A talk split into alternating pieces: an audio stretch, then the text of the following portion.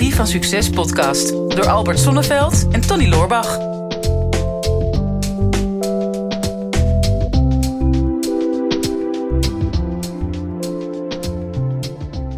Albert, jij sloot onze vorige podcast af met een uh, stukje over het ontspullen. Ja. Hoeveel uh, rommel jij weg hebt gedaan toen je bent gaan verhuizen. En dat je in een tiny house bent gaan leven. Toen Ja. dacht ik van, daar moeten we het toch misschien nog maar eens een keer uitgebreid over hebben. Ja, niet lullen, ontspullen. Ja, precies. ja, want eh, Ja. ik hoor dat wat vaker de laatste tijd. Eh, ontspullen is een beetje een, eh, een trend. Eh, tiny houses zie je steeds meer eh, Ja. voorbij komen. En eh, mensen die eh, het materialisme een beetje loslaten. Mm. Eh, er is een heel bekend boek, eh, Essentialism. Ja, Eh, is ook best wel een, een, een, een hype, volgens mij. Of in ieder geval een hit. volgens mij op, op Netflix is er ook een documentaire over. Ook eh, Ja? minimalisme. Ja. Ja, dus nou ja, Ja, jij, mag jij niet kijken, want jij, jij, jij zit in een schermdetox. Maar Ja, ja dat, is, dat is waar. Dus, nou, ik merkte het ook dus in mijn detox wel... dat dat op een gegeven moment dit soort onderwerpen dus relevant worden. Hè? Als je met een heleboel dingen stopt... dan merk je hoeveel fijner je leven wordt. Hoeveel Ja. meer ruimte je hebt. En Ja. dan wordt het bijna verslavend om nog meer uit je leven te gaan halen. En jij bent daar ook natuurlijk wel een levend voorbeeld van. Ja. Dus laten we het daar eens over gaan hebben. Wat, wat is jouw route hierin?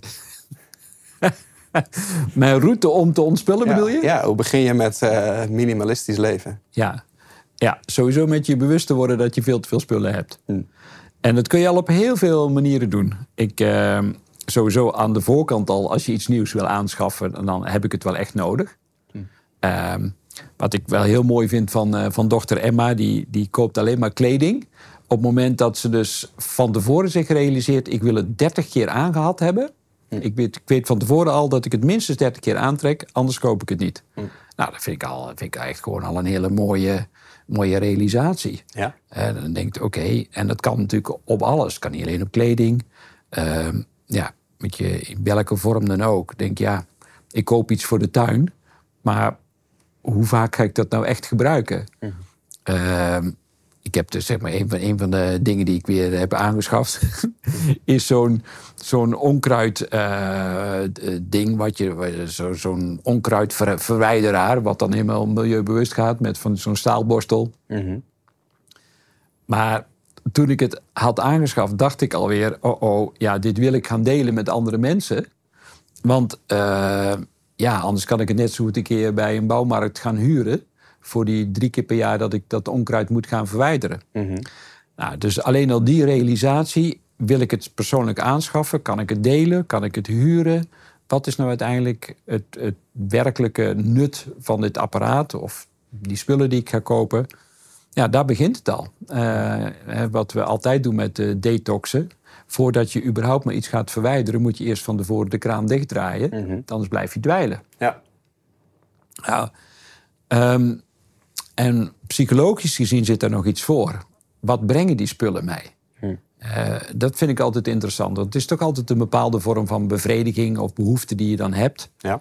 ehm, die je dan hoopt met die spullen te krijgen. Maar we weten ook, binnen no time ben je gewend aan die spullen. Hm. En dat geeft even een goed gevoel. Maar dat goede gevoel kun je nooit lang vasthouden. Eh, meestal is dat na een aantal weken is dat alweer een beetje minder geworden. Maar wat zit er dan werkelijk onder? Welke leegte wil je vullen met die spullen? Nee, dat hè? Ja, ja, ja, ja. Dus dat is een mooie. Daar zou je al een mooi tegeltje van kunnen maken. Welke leegte wil ik vullen met deze spullen? En dat is meestal een emotionele leegte. Dus misschien ja, geeft het je een vorm van zekerheid. Of heb je eh, misschien het gevoel dat je daar waardering of erkenning of herkenning uit krijgt. Een nog grotere auto, een nog grotere boot, een nog grotere weet ik veel wat. Of een bepaald merk dat je het gevoel hebt van... oh, nou hoor ik erbij. Want eh, zonder dat merkshirtje op de golfbaan of waar dan ook... ja, dan ben ik ook maar een sukkel. En ik wilde ze graag bij horen. Ik heb minimaal zo'n soort horloge om nodig... of zo'n soort ketting of andere hang- en sluitwerk... Wat je, wat, je, Ja. wat je allemaal aan je lijf hangt. Of die tatoeage of wat dan ook. Nou, heb ik het echt nodig? Nou ja, eh, en als je daar heel eerlijk op door gaat vragen... kom je er meestal achter. Ja, meestal is het maar een tijdelijk ding. Of wil je even een punt maken in je leven? Of wil je iets markeren op dat moment? Of wil je jezelf even belonen met iets? Maar moet dat dan met spullen? En 9 van de 10 keer niet, want vaak doe je jezelf uiteindelijk de geweld mee. Hè? Want ja, een van de dingen die ik merkte met mijn spullen. Het gaf me gewoon heel weinig bewegingsruimte. Ja, want jij hebt natuurlijk heel lang in een heel groot huis gewoond. Ja. Wel Echt een kasteel. Ja. Eh, met heel veel kamers en heel veel meubels. En ook nog eens heel veel mensen Ja. eh, in huis. En eh, op een gegeven moment heb je dat verkocht. En nu woon je gewoon in een, in een tiny house. Ja. Ik ben de laatste keer geweest. En denk, ja, je hebt in Ja, ik ben- alles wat je nodig hebt. Maar Ja, je moest echt, je moest echt eh, kiezen wie gaat er als eerste naar binnen. ja, wie gaat er als eerste op de stoel zitten? ja. Ja, jij bent er geweest, ja. ja. dus dat is fijn. Je mag weer uitademen, zo tiny was. Ja, nou ja, weet je, het is natuurlijk. eh, eh, ja, het, het, het is heel fijn dat, dat, je, dat het ook geen ruimte in je hoofd inneemt. Nee, hè? Dat gewoon, dat. je hebt geen kamers die dan gevuld moeten worden met, met spullen waar je dan ook weer. Ja, wat toch een plek in je, in je gedachten inneemt. En ik dacht inderdaad van ja, weet je, het is wel echt even, even wennen zoiets. Maar ja, aan de andere kant heb je ook echt alles wat je nodig hebt. Dus wat, maar wat, ja, wat is het verschil voor jou? Want je hebt dan allebei de uiterste heb je nu. Ja, ja. ja, ik hou van uiterste. Ik hou sowieso altijd van... Ik, ik vind niks in het leven vanzelfsprekend. En dat heeft misschien te maken met dat ik natuurlijk al heel jong geconfronteerd ben... Hè, met het overlijden van mijn ouders. Dus die, die, ja, iets vanzelfsprekend was in mijn leven al snel weggevallen.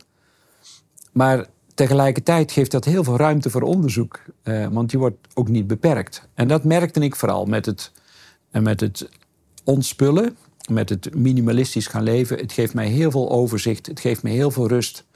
Ehm, ja, mijn oma zei altijd al: bezit van de zaak is eind van het vermaak. En ik hou absoluut van kwaliteit. Eh, dus het is niet zo dat ik ehm, ja, niets meer geef om, om kwaliteit van spullen of zo. Maar ja, ik, ik hoef het niet meer in materie te stoppen. Want wat ik merk bij materie is dat het enorm vertraagt. Het geeft altijd ballast. Eh, ik vind het nog steeds wel eens fijn om een fysiek boek te hebben. Maar de meeste boeken heb ik op mijn e-reader staan, omdat ik reis veel.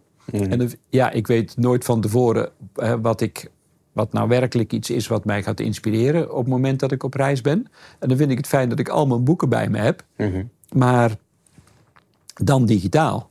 Hetzelfde, ik had, ik denk wel, 50 fotoalbums van, van heel mijn leven verzameld.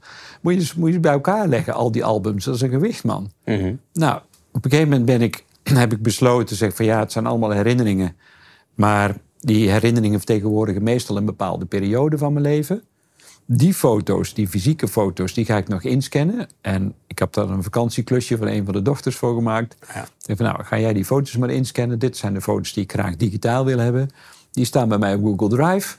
Waar ik ook ben in de wereld, en ik ontmoet veel mensen, zeg goh, maar kun je iets laten zien? Hoe, hoe ziet Nederland eruit? Of hoe zag je er vroeger uit?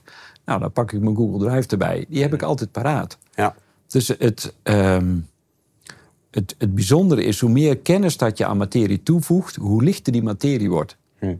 Eh, en er is heel veel kennis over hoe je materie lichter kunt maken. En ik heb gemerkt van ja, ik, ik wil aan alles wat materie is, wil ik kennis toe gaan voegen, zodat ik niet de ballast hoef mee te sjouwen in mijn leven. Mhm. Ja, mooi wel. Ja. Ja. ik denk sowieso, kijk, veel, veel digitaliseren is natuurlijk gewoon lekker opruimen. Als je Ja. alleen al kijkt hoeveel spullen je vroeger ook nodig had. Eh, ik kan me herinneren, toen ik student was, dan had ik echt gewoon een, een grote televisie en dan met losse boxen erbij. En eh, eh, zeg maar, voor, voor elk stukje techniek had je enorme unit. Dat was ook Ja. een deel van je inrichting. Alleen al van die levensgrote boxen die dan in de hoek van de kamer stonden. Ja. En nu heb je natuurlijk in de kleinste boxen heb je het beter geluid van wat je vroeger had. En je hebt tegenwoordig op je telefoon heb je alles waar je vroeger eh, zes, zeven apparaten voor nodig had. Ja. Ehm, dus dat, dat maakt het dan natuurlijk al meer opgeruimd. Eh, alles digitaliseren vind ik ook, ook wel eh, een fijn gevoel. Ehm, ik zat laatst daar een stukje over te lezen over ontspullen. En toen kwamen we een aantal dingen tegen. Zoals bijvoorbeeld, eh, eh, nou, je kan dingen gaan digitaliseren. Ja. Eh, denk, nou, dat vind ik fijn, dan, dan heb ik ze nog steeds. Je kunt bijvoorbeeld je kledingkast gaan opruimen. Van welke kleren heb je nou al meer dan een jaar niet aangehad? Dan kun je waarschijnlijk iemand anders blij mee maken. Ja, en geef die kleren dan weg. Denk, nou, zou, zou, zou ik ook wel kunnen. Hè. Dat, dat ruimt al lekker op. Opruimen is therapeutisch. Eh, meubels. Hè. Ik heb al een hele tijd een paar meubels in mijn huis staan... waarvan ik weet van, die mogen van mij wel weg. Eh, maar die staan er al twee jaar omdat ik te lui ben om ze weg te doen. Terwijl ik daar ook twee jaar lang iemand anders blij mee had kunnen maken. Denk, nou, die snap ik dan ook nog wel. En toen ging het op een gegeven moment over boeken. En eh, ik luisterde naar een podcast over. En die man die zei van... Hè, bijvoorbeeld alle boeken die je nog een keer wil lezen... die kan je houden. En alle boeken waarvan je weet dat je die no- niet nog een keer gaat lezen, daar kun je waarschijnlijk iemand anders blij mee maken. Ja. En toen kreeg ik meteen een beetje kortsluiting in mijn hoofd. Dan dacht ik van ja, maar ik wil later een hele grote bibliotheek in mijn huis. En daar ben ik mijn hele leven al boeken voor aan het sparen. Dus ik moet dan boeken niet weg gaan doen. En dat merkte ik dat dat. Waarschijnlijk heeft iedereen dus wel zoiets. Dat is toch een bepaalde ruimte die je wil vullen met iets wat dus niet functioneel is. Ja. Maar wat, wat is dat dan? Waarom je dat dan niet los kan laten? Ja, het is een beeld wat je hebt. En het beeld is die grote bibliotheek. en, en, en de overtuiging dat jij die boeken moet verzamelen. Eh, nou, het zou, dus, dat is maar een aanname. Eh, sowieso, dat beeld van die grote bibliotheek. Ja, is dat toch werkelijk zo op het moment dat, dat je daar de ruimte voor hebt? Ehm, en moeten dat dan jouw boeken zijn? Of zou je, zou je daarna boekenmarkten kunnen gaan afstruinen en, en dat opnieuw vullen? Ehm, en de belangrijkste vraag die eronder zit, wat betekenen boeken voor jou? En in hoeverre moeten die toegankelijk voor je zijn? Of in hoeverre zou je die ook in een bibliotheek eh, kunnen, kunnen gaan lezen of lenen? Ehm, dus, en dat is een interessant... Ik ga niet zeggen, jij mag geen bibliotheek hebben als dat jouw leven is. En, Nee, eh, vroeg ik dus- geen toestemming, maar ik was gewoon even benieuwd wat eronder zat. ja. En als ik dat zo aangeef, wat komt er dan in je op? Wat betekenen boeken voor je? Nou, ik denk dat je daar wel, wel goed zit. Dat is en, en gewoon de, de toegankelijkheid. Ja, Maar het heeft misschien ook wel te maken met, eh, met een stukje erkenning naar de mensen die op bezoek komen. ja, ja. Die mensen komen, eh, die op bezoek komen, gaan altijd voor mijn boekenkast staan. Mensen vinden dat altijd leuk. Het is altijd Ja. een gespreksonderwerp. Ja. En ze vragen altijd van, heb je dat ook allemaal gelezen? Ja. Nou, dat is, dat is niet zo. Nee. Maar de meeste wel. Ja. En het is toch fijn om te laten zien van... dit wat je hier fysiek in de ruimte ziet... dat zit ook in mijn, in mijn systeem. Oh, luisteraars, ik wou dat jullie de oogjes van Tony kunnen zien. Die zitten helemaal Ja. te stralen. Hij zit zoiets van, ook, ik, dat is echt wel, het, is, het is, voelt rijk of zo. Hè? En ook een soort Ja. erkenning, of ik weet niet wat het is bij jou. Ja, maar het is dus ook precies wel wat jij zegt. Van eh, welke materie gebruik je om welke leegte mee te vullen... of Ja. welke ruimte mee te vullen. En dat, dat is dit natuurlijk wel. Het is niet de fysieke ruimte. Nee, Nee, nee dus hij hij landt nu. ja, ik vind het wel interessant. Ja, nou ja, het ego, hè, dat is, dat is, dan gaan we een stukje verder. Het ego wil verzamelen, het ego wil vasthouden. Het ego ja, is een bepaalde vorm van identiteit waar je, hè, waar je jezelf aan ontleent.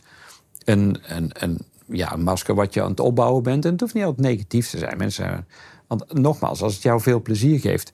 Ja, ik, een van mijn klanten, die, eh, ja, die, eh, die verzamelt auto's. Nou ja, daar kun je van alles van vinden.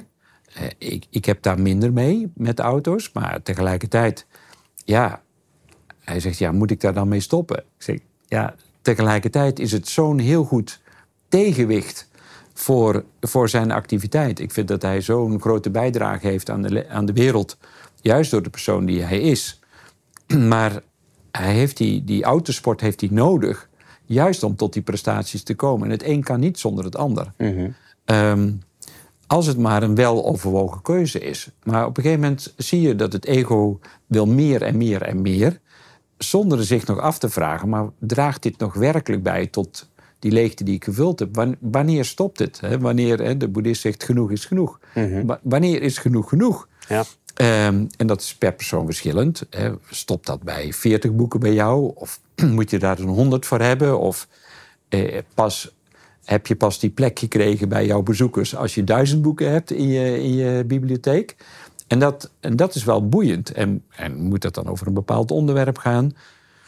Ehm, op het moment dat je merkt dat je gaat verzamelen en je, je merkt dat het op een bepaalde manier een bepaalde ballast voor je gaat zijn, nou, ga dan eens vragen van, wat brengt het me echt? ja. En heb ik dat nodig? Nou ja, weet je, kijk, we hebben het natuurlijk heel erg over ontspullen. In, Ja. in de zin van hè, meubels en, en spullen in je huis. Ja. En dat, dat hangt een beetje tegen het materialisme. Hè. Ik denk dat de meeste mensen die materialistisch zijn ingesteld... dat, eh, dat ze dat blijven totdat ze het bereikt hebben. Ja. Eh, Zodra je dan in, eh, in die dikke, dikke Lamborghini rijdt. Dat is Mm. mooi om op je Instagram te zetten. Want dan mag je officieel business coach noemen, zeg Ja, maar. En dan ja. kan je anderen inspireren. Maar je merkt al van, het maakt niet uit hoeveel likes en hoeveel Nee. reacties je krijgt. Je doet het vanwege de erkenning van anderen. En die krijg je niet, want erkenning komt altijd uit jezelf. Als het binnen moet komen. Dus iedereen die materialistisch is, die, die raakt materialisme af zodra ze het bereikt hebben. Mhm. Zolang je nog onderweg bent, dan is dat het nog. Ehm, dus daar, daar zit dan wel wat in. Maar ik denk, ja, het, het, het principe van, van minimalisme... dat geldt natuurlijk in heel veel, op heel veel fronten van je leven. Ja. En ik merk nu ook een beetje door die social detox waar ik in zit... dat ehm, ik dat ga doen natuurlijk gewoon in mijn huis. Hè, dus gewoon heel veel opruimen.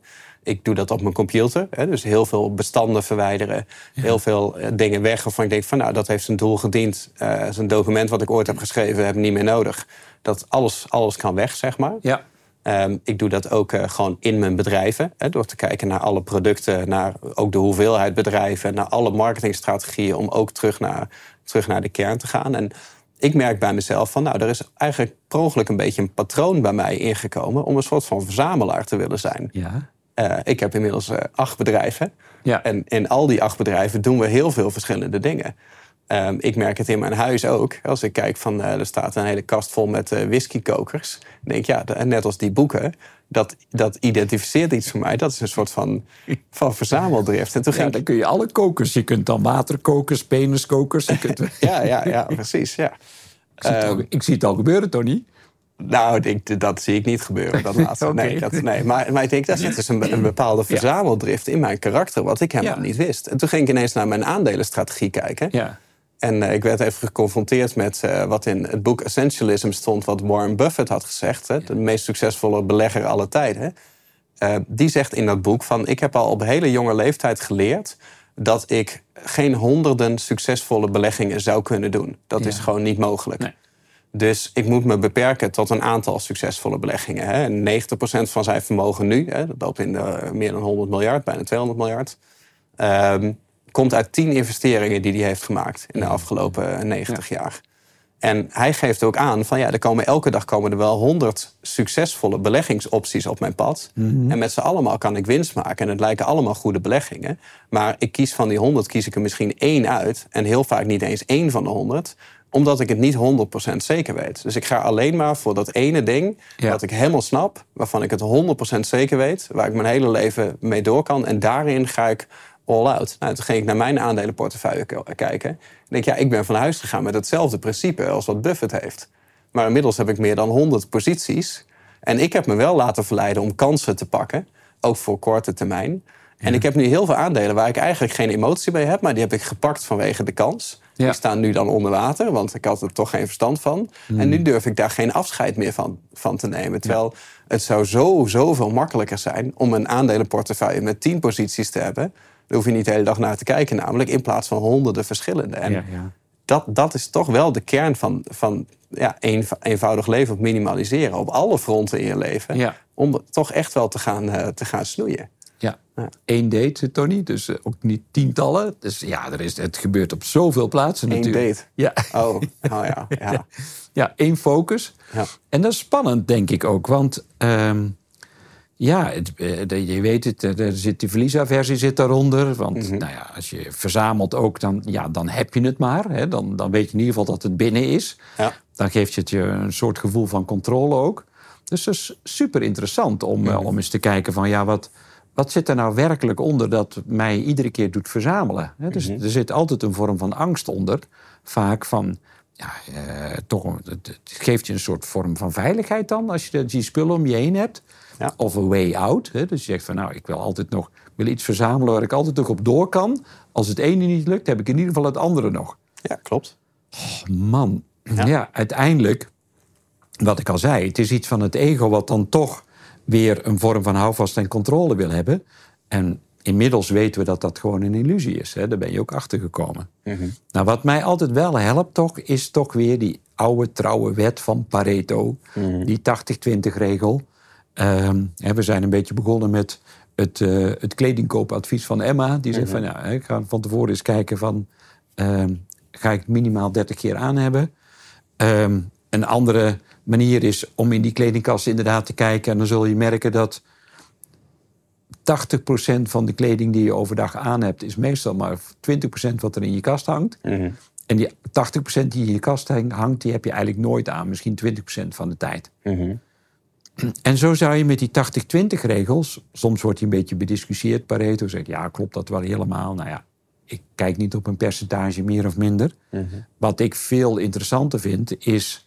ehm, durf, je, durf je te erkennen hè, precies wat Warren Buffett ook zegt. Van ja, richt je nou op die, op die, die tien aandelen en durf daarop vol op in te zetten. In plaats van dat je weer de breedte ingaat. Ga veel meer de diepte in en ga dat onderzoeken. In plaats van dat je in de breedte heel veel gaat verzamelen in de hoop dat er iets tussen zit. Ja.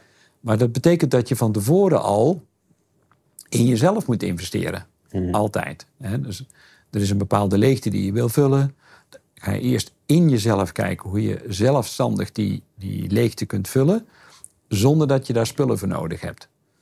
Nou, daar is moed voor nodig. Hè? Dat zien we in relaties ook. Mensen zoeken vaak een partner.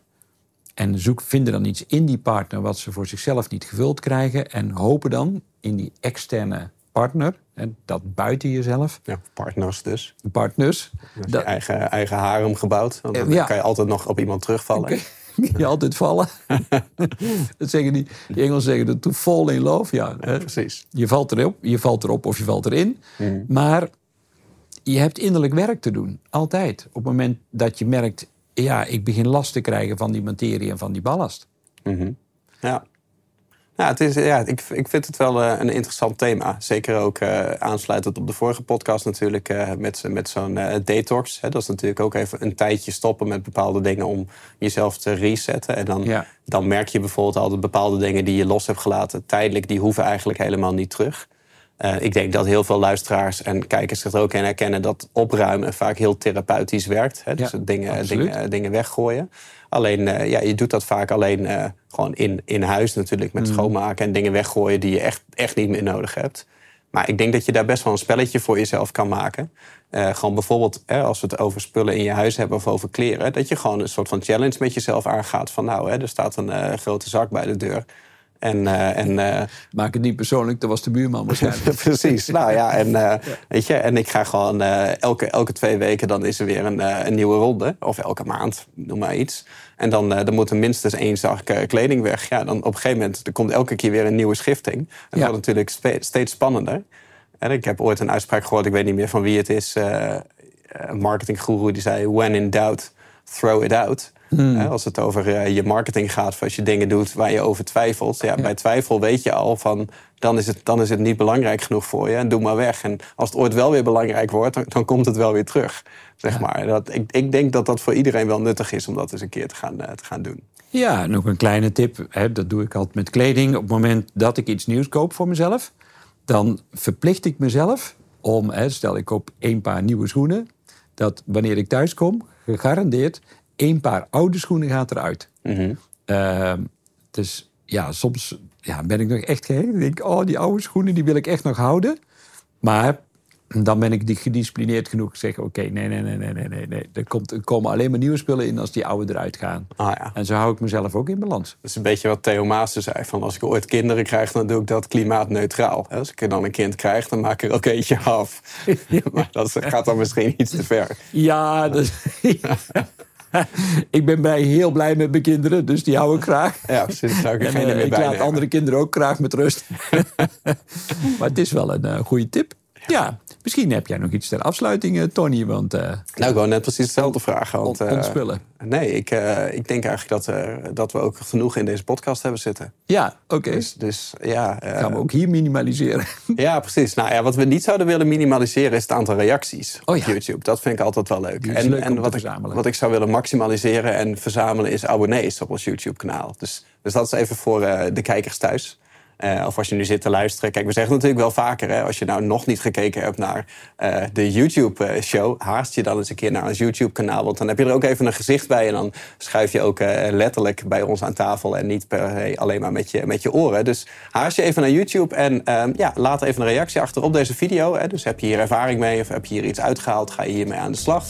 Eh, wij zullen natuurlijk ook even het linkje naar eh, het boek wat we net noemden even eh, plaatsen in de YouTube-beschrijving. Kijk, en als je er dan toch bent, druk even op het, op het duimpje. Vinden wij altijd leuk. En vergeet ook zeker niet om je even te abonneren op ons YouTube-kanaal.